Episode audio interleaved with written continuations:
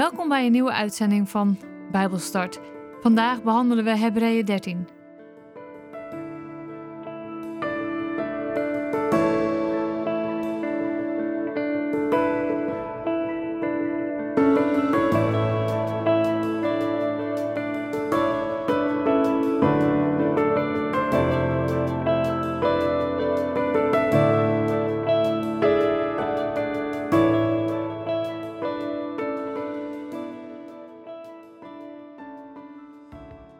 Ik lees met jullie uit de basisbijbel Hebreeën 13.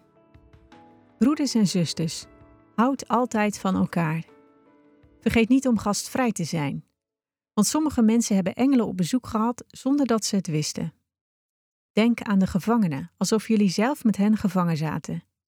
Denk aan de mensen die worden mishandeld. Vergeet niet dat jullie hetzelfde kan overkomen. Denk eraan dat het huwelijk iets heel kostbaars is.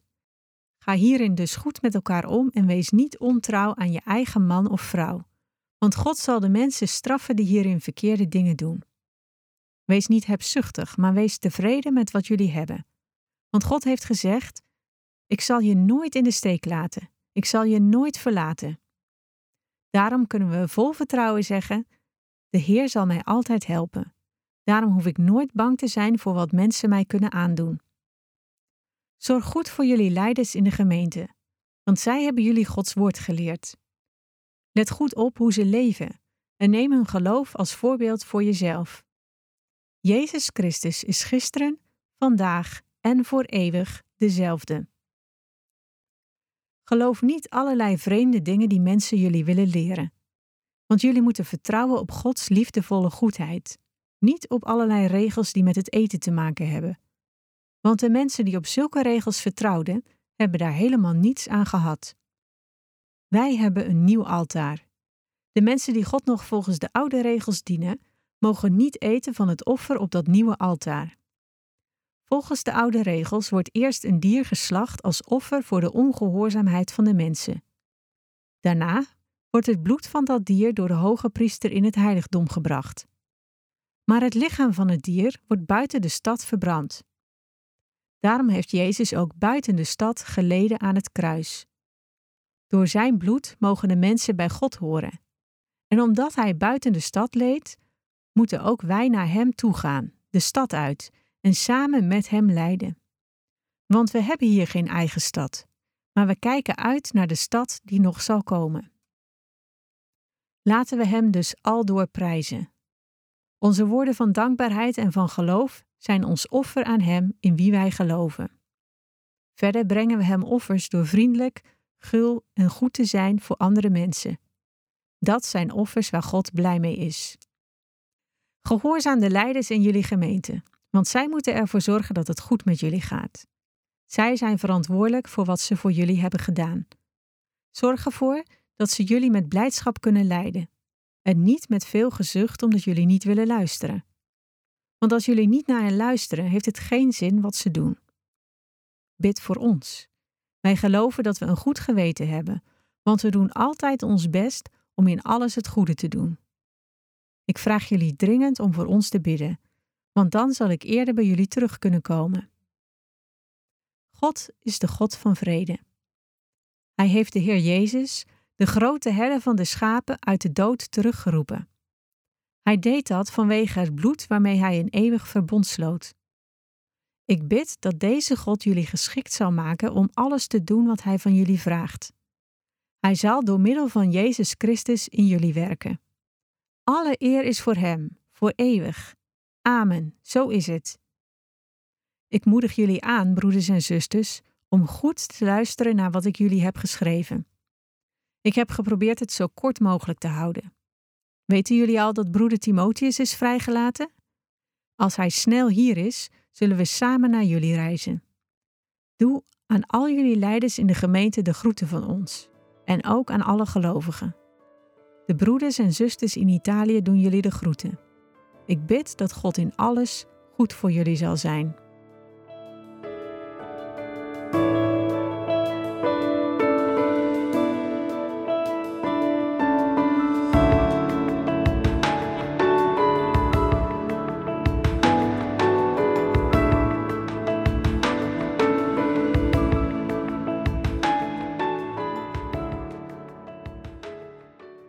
Dit slothoofdstuk bevat een aantal terechtwijzingen voor het christelijke leven. En ze passen eigenlijk wel in de lijn van de hele brief, want die gaat over de weg van een christen hier op aarde.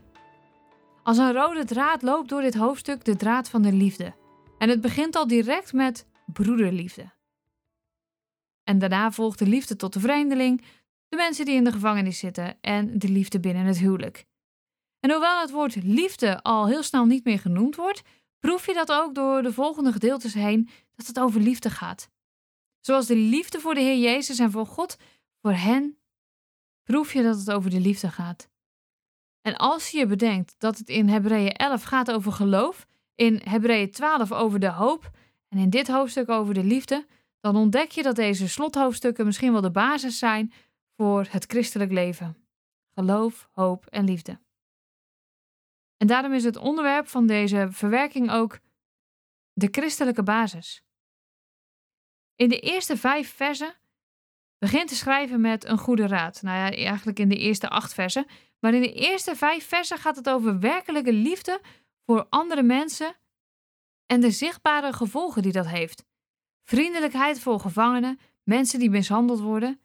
Nou, dat lees je in vers 3. En de liefde die binnen het huwelijk is, die wordt ook behandeld. Wees tevreden met dat wat je hebt.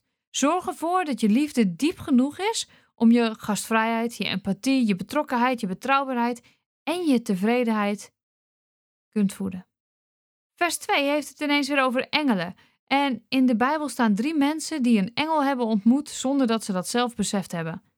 Abraham in Genesis 18, Gideon in Richteren 6 en Manoach in Richteren 13. Het tweede vers van dit hoofdstuk slaat daar dus op. Sommige mensen hebben engelen op bezoek gehad zonder dat ze het wisten. Toch waren ze gastvrij. En gastvrij kun je altijd zijn. Ook al heb je maar een klein huisje, heb je niet meer dan twee stoelen en een tafeltje in een gehuurd kamertje. Er zijn altijd mensen die blij zullen zijn om in jouw huis te mogen zijn.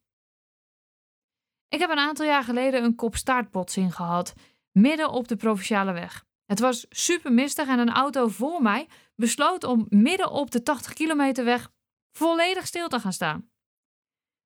De auto die voor mij reed, die kon nog net op tijd remmen, maar zij had haar lampen niet aan en ze had ook haar voet niet meer op de rem staan. Toen ik ineens in die mistflart reed. Nou, mistflart, het was echt een balk en ik zag echt gewoon niks meer. Ik denk dat ik drie, vier meter maximaal zag. Dus op het moment dat ik dacht, hè, zag ik nou wat? Kabam! Klapte ik al bovenop die andere twee auto's. En alle drie de auto's waren totaal los. Ik kreeg mijn deur niet open. Zo erg was mijn, zat mijn auto in elkaar. Mijn airbag was uit, uh, uit mijn stuur geklapt. Mijn riem zat vast, want daar zat ik natuurlijk in vastgeklemd. Ja, ik reed ongeveer 60 km per uur, omdat ik net al aan het afremmen was. Ik had op dat moment mijn telefoon niet bij me. En ik kon ook spontaan niet meer het telefoonnummer van mijn vader herinneren. En het gebeurde vlak bij een huis met een gezin met twaalf kinderen. En deze mensen ontvingen mij in liefde in hun huis. Terwijl de ontbijttafel nog afgehaald moest worden en de vrouw des huizes echt twintig keer haar excuses aanbood omdat het zo'n zooitje was. Voor mij was het niet meer dan normaal dat als je met twaalf kinderen aan tafel zit, dat je dan dus ook minimaal veertien ontbijtbordjes op tafel hebt staan en veertien bekers en veertien kopjes en bestek en heel veel brood en van alles nog wat aan beleg. Deze vrouw vond het verschrikkelijk dat ze mij in haar zooitje, in haar ogen dan, moest ontvangen. En voor mij was het alleen maar gastvrijheid. Ik kon alleen maar haar gastvrijheid zien. Het feit dat ze mij opving terwijl al hun kinderen naar school moesten, ze moesten gebracht worden en ik gooide echt hun hele planning in de war. Voor mij was dat zo ontzettend liefdevol. Kijk, de oudste kinderen waren al oud genoeg. En die jongens die duwden mijn auto naar de kant. En de andere die zei, moet ik je anders thuis brengen? En die jongste die moesten weggebracht worden. Maar die moeder die dacht, nee, dit is nu belangrijker. Kom maar binnen in mijn huis. Een andere manier van gastvrijheid ontdekte ik toen ik in Andijk ging werken en daar geen goede keuken was in de bed and breakfast waar ik woonde. En ik werd toen bijna iedere avond wel bij iemand uitgenodigd om te gaan eten. Dat was niet alleen super gastvrij, maar het was ook een hele handige manier om de gemeente goed te leren kennen. Zijn er mensen in jouw gemeente die je een keer een maaltijd kunt aanbieden? Zijn er mensen die je wat kunt aanbieden als er bijvoorbeeld een ongeluk gebeurd is bij jou in de straat? Kun je een bekertje water geven? Kun je een stoel geven? Zijn er misschien pasgetrouwde stellen die net nieuw zijn in de, in de gemeente, die je kunt uitnodigen? Of zitten er al jarenlang alleenstaande mensen in de kerk? Hebben die misschien een keertje zin in een avondje spelletjes doen, een avondje praten, samen verbinding en verdieping zoeken? Misschien weet je wel dat er een zendelingen-echtpaar thuiskomt voor vakantie. En misschien kun je hem wel tijdelijk onderdak bieden. Ik ken een predikant die vond dat zijn pastorie veel te groot was voor hem en zijn dochtertje. En hij hield een paar slaapkamers over. En dus heeft hij zich aangemeld voor een project waarbij hij statushouders drie maanden in huis kon opnemen. Om ze zo te helpen in te burgeren en om zo de overgang naar hun eigen woning te overbruggen. En weet je, ik snap dat dat niet voor iedereen mogelijk is.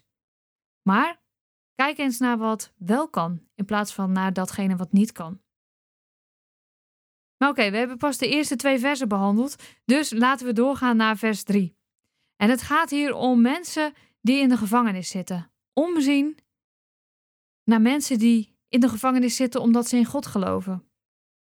Jezus zegt in Matthäus 13 en 25 dat we Hem vertegenwoordigen als we deze mensen bezoeken. TWR probeert mensen in gesloten landen te bereiken. En we weten dat bijvoorbeeld in Noord-Korea mensen naar werkkampen gestuurd worden en in andere landen worden ze gemarteld en in gevangenissen gestopt vanwege hun geloof. In het verleden zijn er meerdere verhalen bekend geworden over mensen die bijbels en radio's hebben gesmokkeld. Niet alleen in de gesloten landen, maar ook de gevangenissen in. Stel nou hè, dat je zulke verhalen wil lezen, ga dan even naar de website twr.nl en lees de boekjes Ik ga voor je uit. De schrijver roept op in vers 4 tot en met 7 om tevreden te zijn en te beseffen dat God ervoor zorgt dat we alles krijgen wat we nodig hebben. Eigenlijk zegt materialisme dat we vinden dat God niet genoeg voor ons zorgt en er niet voor zorgt dat we krijgen wat we nodig hebben. Of in ieder geval dat we denken nodig te hebben. Ik heb het wel eens eerder genoemd dat de mammon niet alleen voor rijke mensen een afgod is, maar ook voor mensen die arm zijn. Geld kan je op allerlei manieren in de greep houden. Als je te veel hebt, maar ook als je te weinig hebt. En die onzekerheid over de toekomst kan juist de dwang naar geld meer en meer voeden.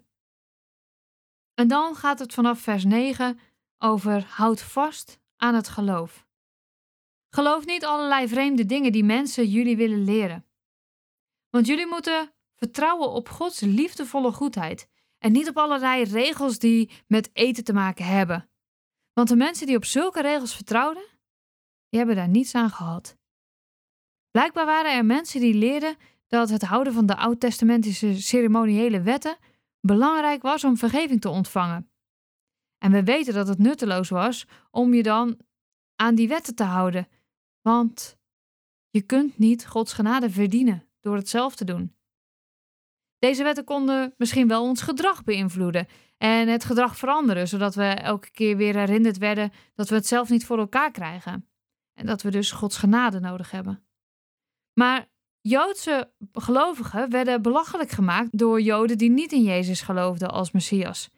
En het grootste deel van de Hebreeënbrief gaat erover dat Jezus boven het Oude Testament staat en boven die ceremoniële wetten.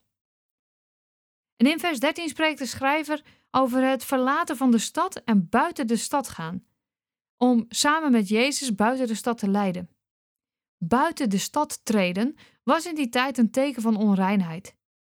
Soms moet je omwille van Jezus je vertrouwde stadsmuren verlaten en daar leven waar men je misschien niet meer voor vol aanziet. Voor de Joodse christenen uit die tijd van de Hebreeënbrief was het tijd om hun vertrouwen aan Jezus boven hun vertrouwen aan hun eigen volk te stellen. Kiezen voor Jezus had toen, maar ook zeker nu, gevolgen. En ook vandaag de dag zijn er consequenties als je christen bent. In Nederland kun je er vaak nog wel tussendoor fietsen en heb je er misschien minder last van. Het kost je weinig. Maar in andere landen is het echt wel een heel stuk moeilijker. Is er iets voor jou wat jou tegenhoudt om je leven volledig aan Jezus te geven? Vanaf vers 15 wordt het slot ingezet. We worden opgeroepen God altijd te prijzen. Onze woorden van dankbaarheid en van geloof zijn een offer aan Jezus. Deze mensen waren gewend om offers te brengen. En hier gaat het niet om slachtoffers, maar om dingen die wij als gelovigen kunnen brengen om onze dank aan God te uiten. In Hosea 14, vers 3 staat: Vergeef al onze zonden en wees ons genadig. In plaats van offers zullen wij u loven en prijzen. Hoe kun je dat offer van dankzegging nu zien? Aan de ene kant wordt het gebruikt in de kerken, bijvoorbeeld bij de collecte, maar je kunt het ook als offer zien dat wij Jezus danken en anderen over Hem vertellen. En het is de taak van geestelijke leiders om de gelovigen te helpen te groeien naar volwassenheid in Christus. Ik vind het echt fantastisch om Bijbelstudies te mogen schrijven en zo jullie te mogen helpen in de zoektocht naar groei. Daarnaast vind ik het ook heerlijk om toerusting te geven. En de schrijver benadrukt ook de behoefte aan gebed. Leiders in een gemeente, überhaupt christelijke sprekers, zijn gevoelig voor kritiek.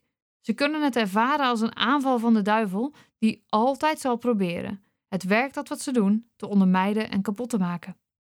Sprekers, voorgangers, toerusters hebben jouw gebed hard nodig. Ik ook. Als ik heel eerlijk ben, dan heb ik ook wel eens weken dat ik me wat minder voel en dat ik misschien veel commentaar krijg op mijn programma. En hoe opbouwend en liefdevol het soms ook is bedoeld, soms voelt het echt als kritiek en als neersabelen. En dan moet ik dan boven zien te staan. Dan heb ik echt mensen nodig die voor me bidden, die ervoor zorgen en die bij God aankloppen dat ik het niet als aanval van de duivel zal ervaren en dat de duivel geen vinger tussen de deur kan krijgen. In vers 20 en 21 staan belangrijke gevolgen van Jezus' werk in ons leven. De schrijver bidt dat God zal werken in het leven van een christen. En de schrijver bidt dat God ons alles zal geven wat we nodig hebben om zijn wil te doen. Heel veel mensen willen voor God aan de slag gaan. Ze willen wel gebruikt worden door God en in zijn dienst werken. Maar houd je er rekening mee dat God ons eerst zal moeten veranderen en dan pas kan gebruiken? En hoe zit het nou precies met de gevangenschap van Timotheus? We weten het niet. Hier lezen we dat hij is vrijgelaten. En als hij snel bij de schrijver van het boek is, dan zullen ze samen verder reizen. We weten niets uit verslagen van Timotheus' gevangenschap. Timotheus schrijft er zelf ook niet over. Maar we lezen hier dus in ieder geval dat hij vrijgelaten is. En door de opmerking, als hij hier snel zou kunnen zijn, dan reizen we samen naar jullie toe, kan ik me op zich wel voorstellen dat er gedacht wordt dat Paulus deze brief geschreven heeft, aangezien Timotheus en Paulus veel met elkaar optrokken. Maar weet je, uiteindelijk maakt het helemaal niet uit wie het geschreven heeft. Het is een rijk boek en we kunnen er echt enorm veel van leren. En ik heb er dan ook van genoten in de afgelopen weken. En ik hoop jij ook.